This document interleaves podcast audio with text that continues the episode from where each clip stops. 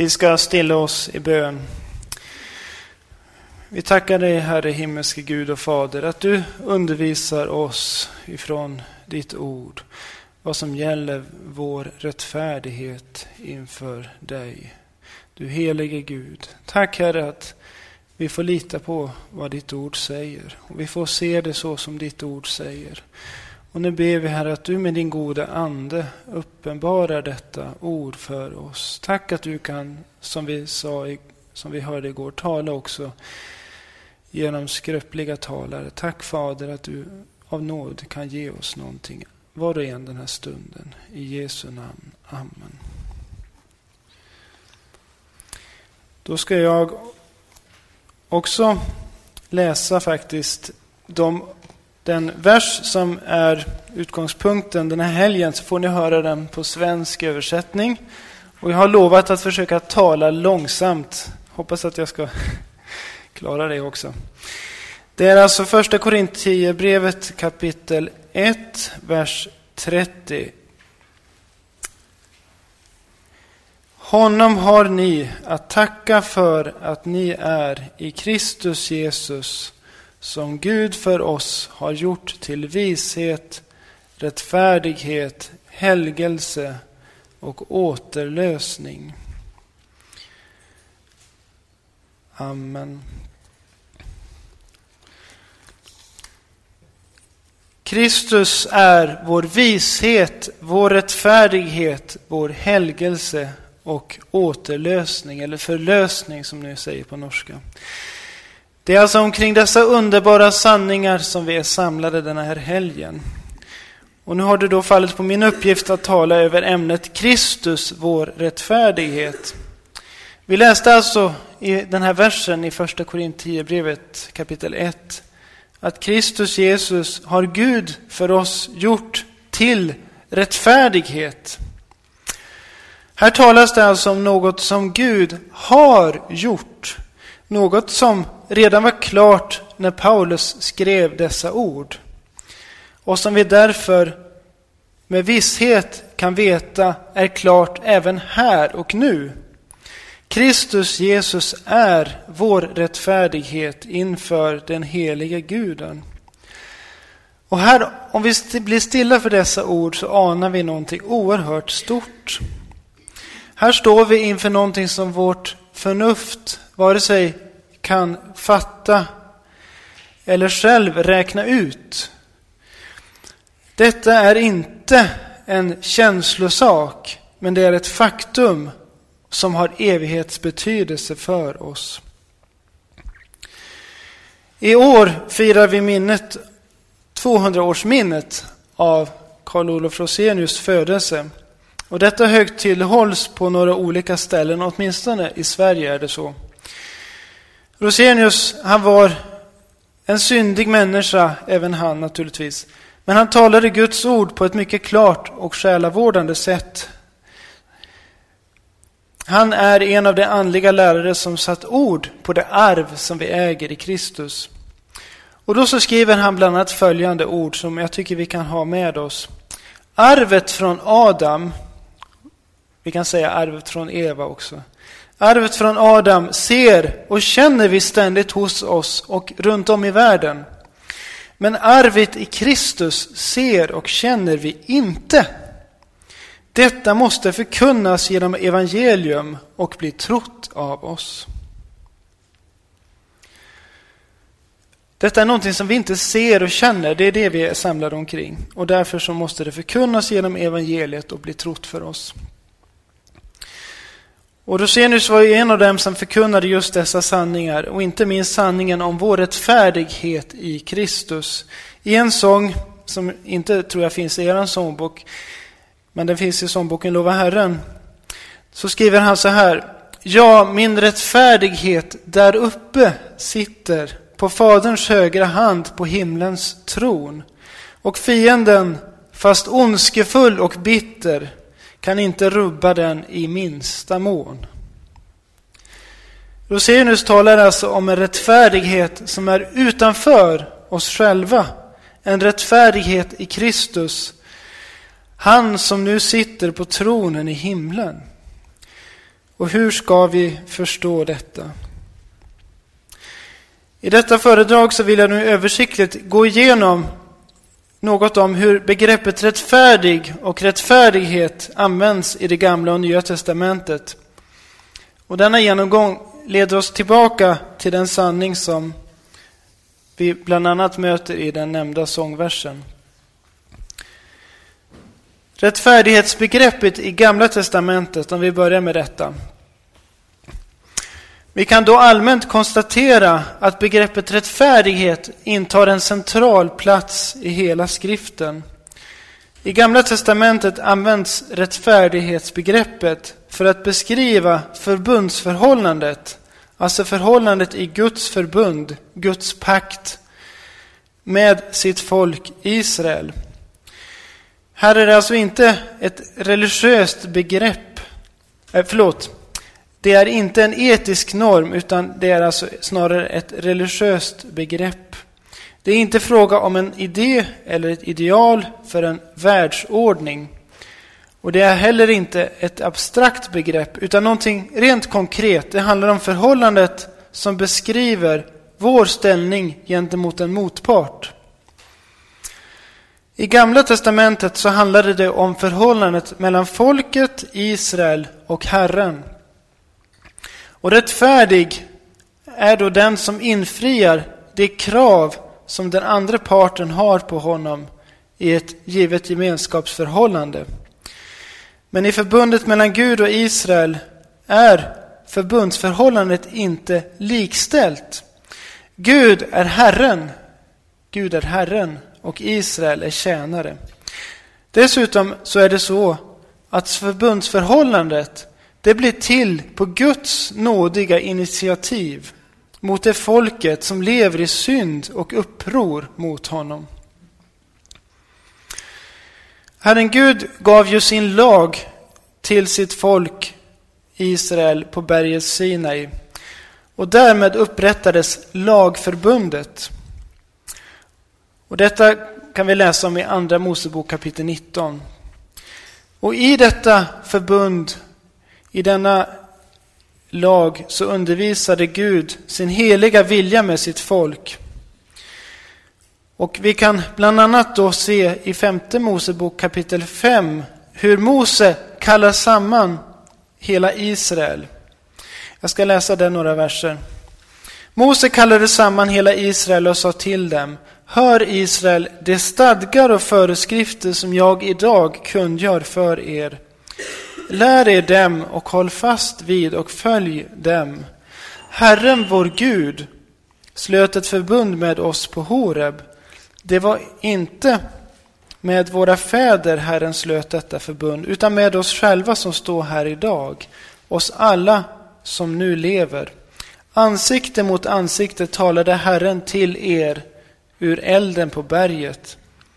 Jag stod då mellan Herren och er för att förkunna Herrens ord för er, ty ni var rädda för elden och steg inte upp på berget.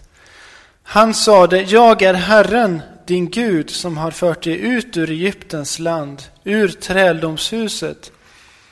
Du skall inte ha andra gudar vid sidan av mig. Så meddelar Mose sin lag till folket och sen i slutet av kapitel 6 så kommer en varning för olydnad och en uppsummering av det som sagts. Vi läser där i femte Mosebok kapitel 6 från vers 24. Herren befallde oss att följa alla dessa stadgar och att frukta Herren vår Gud för att det alltid skulle gå oss väl och för att bevara oss vid liv så som han gjort till denna dag. Och så kommer det. Det skall vara vår rättfärdighet att vi noga följer alla dessa bud inför Herrens, vår Guds ansikte så som han har befallt oss. Här läser vi alltså hur efterföljandet av buden skulle vara folkets rättfärdighet. Men redan ett par kapitel senare, i kapitel 9, så understryks att Israel inte har någon egen förtjänst för att de får ta Kanas land i besittning. Och vi läser kapitel 9 från vers 5. Det är inte genom din rättfärdighet eller ditt hjärtas rättsinnighet som du går för att ta deras land i besittning. Utan det är till följd av ogudaktigheten hos dessa folk som Herren din Gud driver bort dem för dig och så uppfyller han med ed vad han har lovat dina fäder Abraham, Isak och Jakob. Du ska veta att det inte är för din rättfärdighets skull som Herren din Gud har gett dig detta goda land till besittning. Ty du är ett hårdnackat folk. Vi kan säga att all rätt och rättfärdighet orienteras utifrån gudsförhållandet mellan Israel och Herren Gud. Genom Guds domar inom förbundet lär folket rättfärdighet. Och det står till exempel i Jesaja kapitel 26. När Guds domar drabbar jorden lär sig jordkretsens inbyggare rättfärdighet. Detta är inte en, en, någonting som stämmer överens på långa vägar med så att säga, vår spontana tankegång idag och än mindre med, med tidsanda. Men, men så lär Guds ord. När Guds domar drabbar jorden lär sig jordkretsens inbyggare rättfärdighet. Gud själv är all rätts källa och hans vilja i lagen det är rättfärdighetens norm. Israel kallas att visa solidaritet och trohet mot Herren i lydnad mot lagen Både vad Gud då har befallt i de tio budorden, men även i olika etiska och sociala bud som Gud gav till Israels folk. Och rättfärdig då är den som är förbundstrogen, den som är fast och stadig i förhållandet till Guds förbund. Det lär oss det gamla testamentet och berättelsen om Israels folk. Ett exempel på hur begreppet rättfärdig knyts till denna trohet mot Guds förbund, det har vi i Hesekiel kapitel 18. Där läser vi från vers 5. Om en man är rättfärdig och gör det som är rätt och rättfärdigt, om han inte håller offermåltid på bergen och inte upplyfter sina ögon till Israels hus avgudar, om man inte kränker sin nästas hustru eller kommer vid en kvinna som har sin månadsblödning, om man inte förtrycker någon utan ger tillbaka den pant han har fått för skuld, om man inte rånar någon utan ger sitt bröd åt den hungrige och klär den nakne, om man inte ockrar eller tar oskälig ränta utan håller sin hand borta från allt som är orätt och fäller rätta domar mellan människor, om han lever efter mina stadgar och håller mina föreskrifter så, som han gör, så att han gör det som är rätt och gott, då är han rättfärdig och skall förvisso få leva, säger Herren, Herren.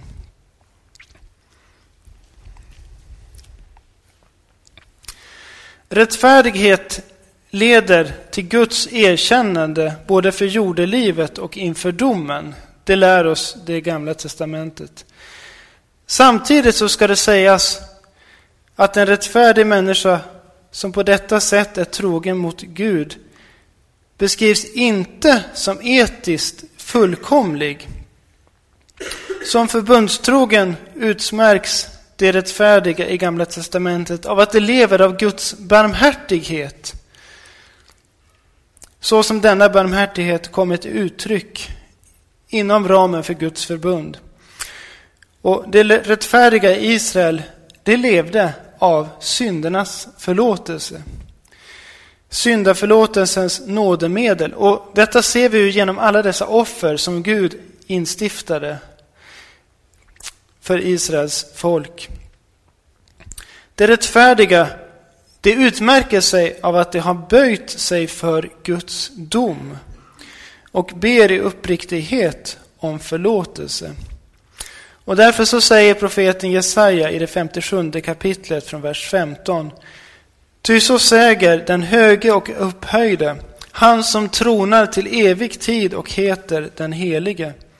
Jag bor i det höga och heliga, men också hos den som är förkrossad och har en ödmjuk ande. för att ge liv åt det ödmjukas ande, för att ge liv åt det förkrossades hjärtan. Alltså Gud är rättfärdig och vi kan på olika sätt se i Gamla Testamentet att en, rättfärdiga män, en rättfärdig människa erkänner just detta, att Gud är rättfärdig. Gud är en rättfärdig domare, psalm 7, vers 12. Den rättfärdige och gudfruktige böjer sig under Guds rättsordning och Guds rättsavgörande. Och motsatsen till rättfärdighet är ju orättfärdighet. Och vi kan tänka då hur det är i vår tid när de allra flesta människor lever i uppror mot Guds vilja i sina egna liv och också uppror mot Guds skaparordning. När då Gud straffar våra folk för avfall från Herren så kan vi liksom möta den reaktionen även hos det som utger sig för våra präster. Att de erkänner inte detta som ett straff ifrån Gud. En maning till omvändelse. Och detta med att säga att det här är en fullständigt meningslös sak som nu har skett, den här naturkatastrofen. Det är alltså ett kännetecken på orättfärdighet. Alltså att inte böja sig för Guds rättsordning. Sen kan man få höra det från predikstolen, men det är ett uttryck för, för orättfärdighet. På flera håll i Gamla Testamentet omvittnas Guds rättfärdighet just som en straffande rättfärdighet. I Jesaja kapitel 5 så läser vi från vers 15. Människorna ska bli nedböjda, var och en förödmjukad. Ja, ja, jag ska låta er slå upp detta först. Det är alltså Jesaja kapitel 5 från vers 15. Människorna ska bli nedböjda, var och en förödmjukad. Ja, det stoltas ögon skall förödmjukas. Men Herren Sebaot blir upphöjd genom sin dom. Gud den helige bevisar sig helig genom rättfärdighet. När folket avföll från Herren och bröt mot förbundet så väckte detta Guds vredesdomar, Guds straffande rättfärdighet. Och vi kan också då läsa från kapitel 10 i Jesaja, eh, från vers 22. Där talas det också om detta med, med Guds straffande rättfärdighet. Det står att ty om än ditt folk Israel vore som havets sand så skall bara en kvarleva av det vända om. Förödelse är beslutad, flödande av rättfärdighet. Står det så på den norska översättningen också? Flödande av rättfärdighet. En flod av rättfärdighet, okej. Okay. Ty förödelse och beslutad straffdom skall Herren, Herren Sebot, låta komma över hela landet. Vi läser alltså på flera ställen om hur rättfärdighet knyter an till Guds dom och Guds vrede. Men genom sina rättfärdiga domar mot det avfälliga Israels folk vill Gud förverkliga sin frälsningsplan för sitt folk. Folket lever i en väntans tid på vad som ska komma. Det lever i hoppet om en kommande Messias, Guds smorde. En kommande frälsare. Guds löfte om Messias förs fram på många ställen i det gamla testamentet. Och jag ska inte gå in specifikt på detta, jag ska inte göra en genomgång just av det. Men det finns några ställen som tydligt talar om hur Herren själv tar initiativet till rättfärdighet genom Messias. Och inte minst profeten Jesaja tar upp det. Och då vill jag läsa från Jesaja kapitel 1 först, kan vi läsa vers 27. Där står det följande. Genom rätt skall Sion friköpas, genom rättfärdighet det som vänder tillbaka. Om det kommande Messias läser vi också i om den kommande Messias läser vi också i Jesaja kapitel 46. Jag, Herren, har kallat dig i rättfärdighet. Jag ska hålla dig i handen. Jag ska bevara dig och göra dig till ett förbund för folket, till ett ljus för hedna folken. Och ju längre fram vi går i Jesaja, desto tydligare blir Herrens tanke med att det är Messias som ska tillhandahålla rättfärdighet. Vi kan ta Jesaja 45 från vers 25 och läsa. I Herren skall hela Israels släkt ha sin rättfärdighet. Det skall berömma sig av honom. Ett mäktigt ord. Vi kan också läsa Jesaja 51, vers 5. Där står det Min rättfärdighet är nära. Min frälsning är på väg och mina armar skall döma folken. Kustländerna väntar på mig och hoppas på min arm.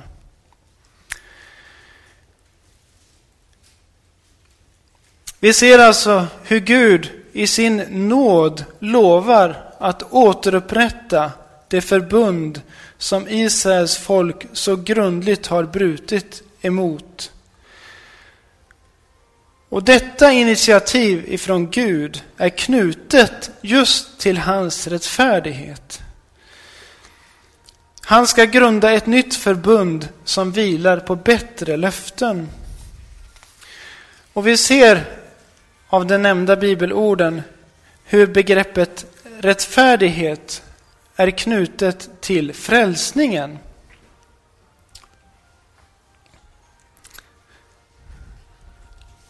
Går det att få tyst på den där kanske?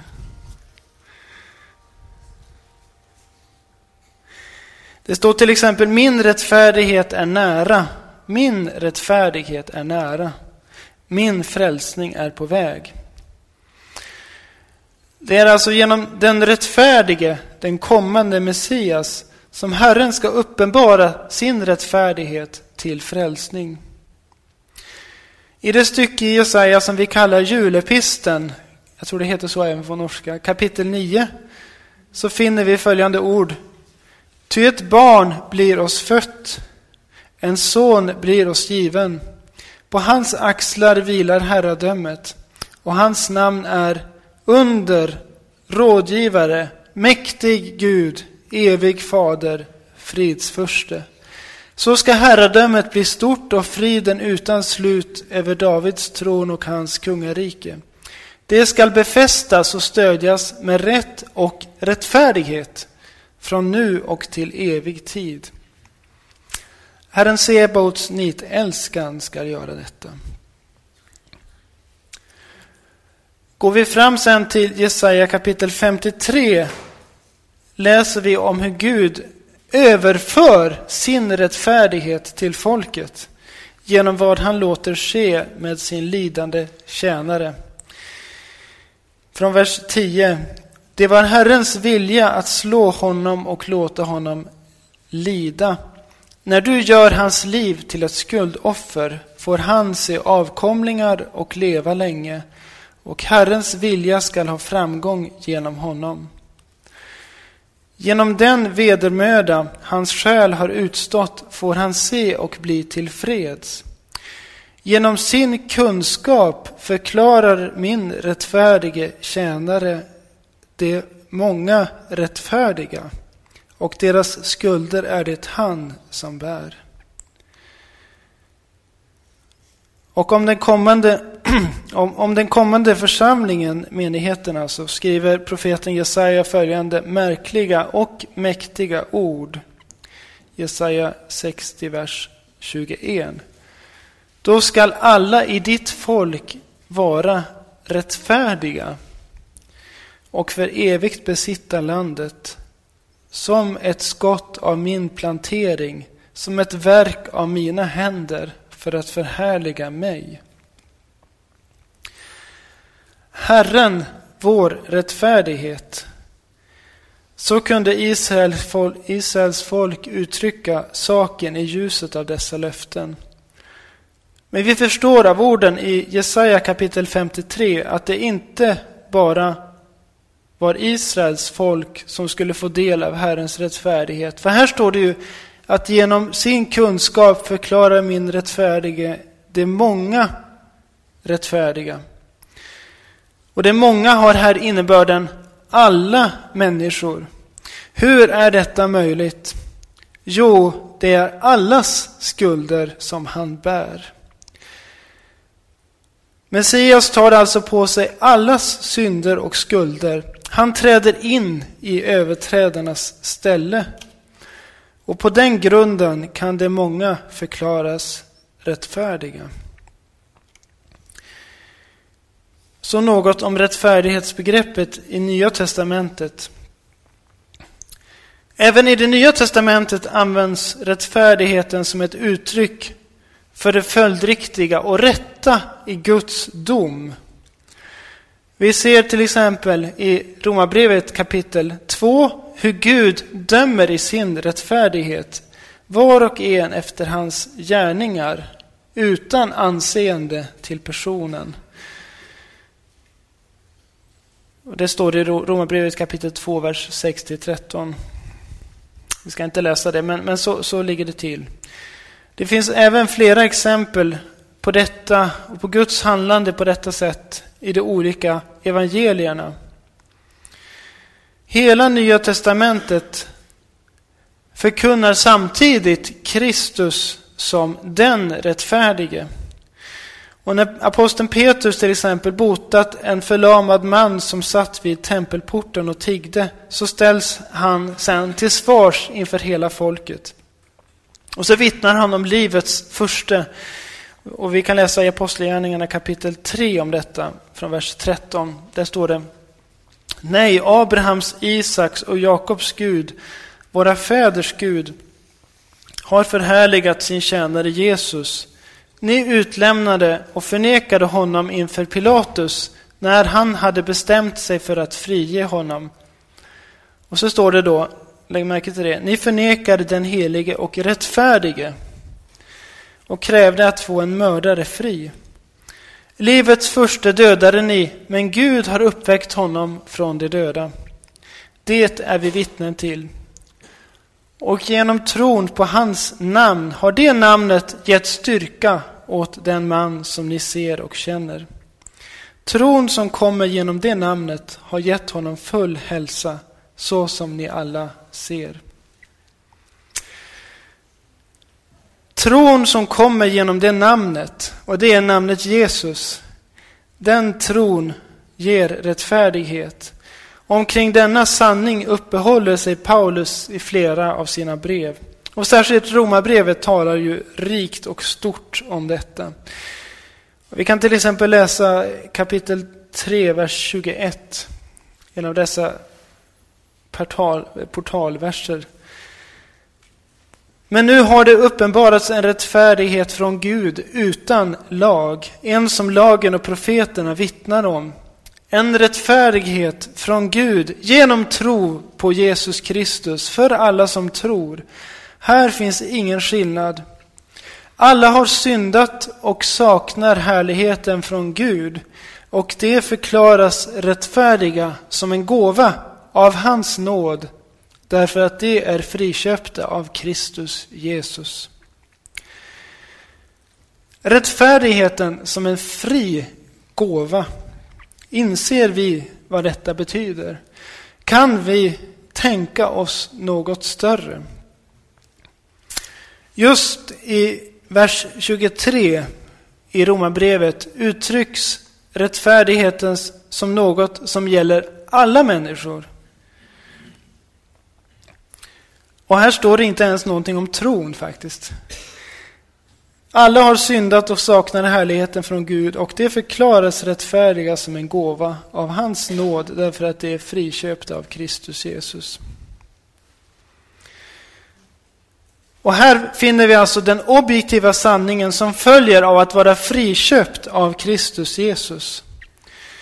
Vi kan gå vidare till Romarbrevet kapitel 4, för där utvecklar sedan Paulus rättfärdigheten av tro genom att lyfta fram Abraham som ett exempel. Ab Abraham och Sara de hade kommit långt upp i åren, men de hade ännu inga egna barn.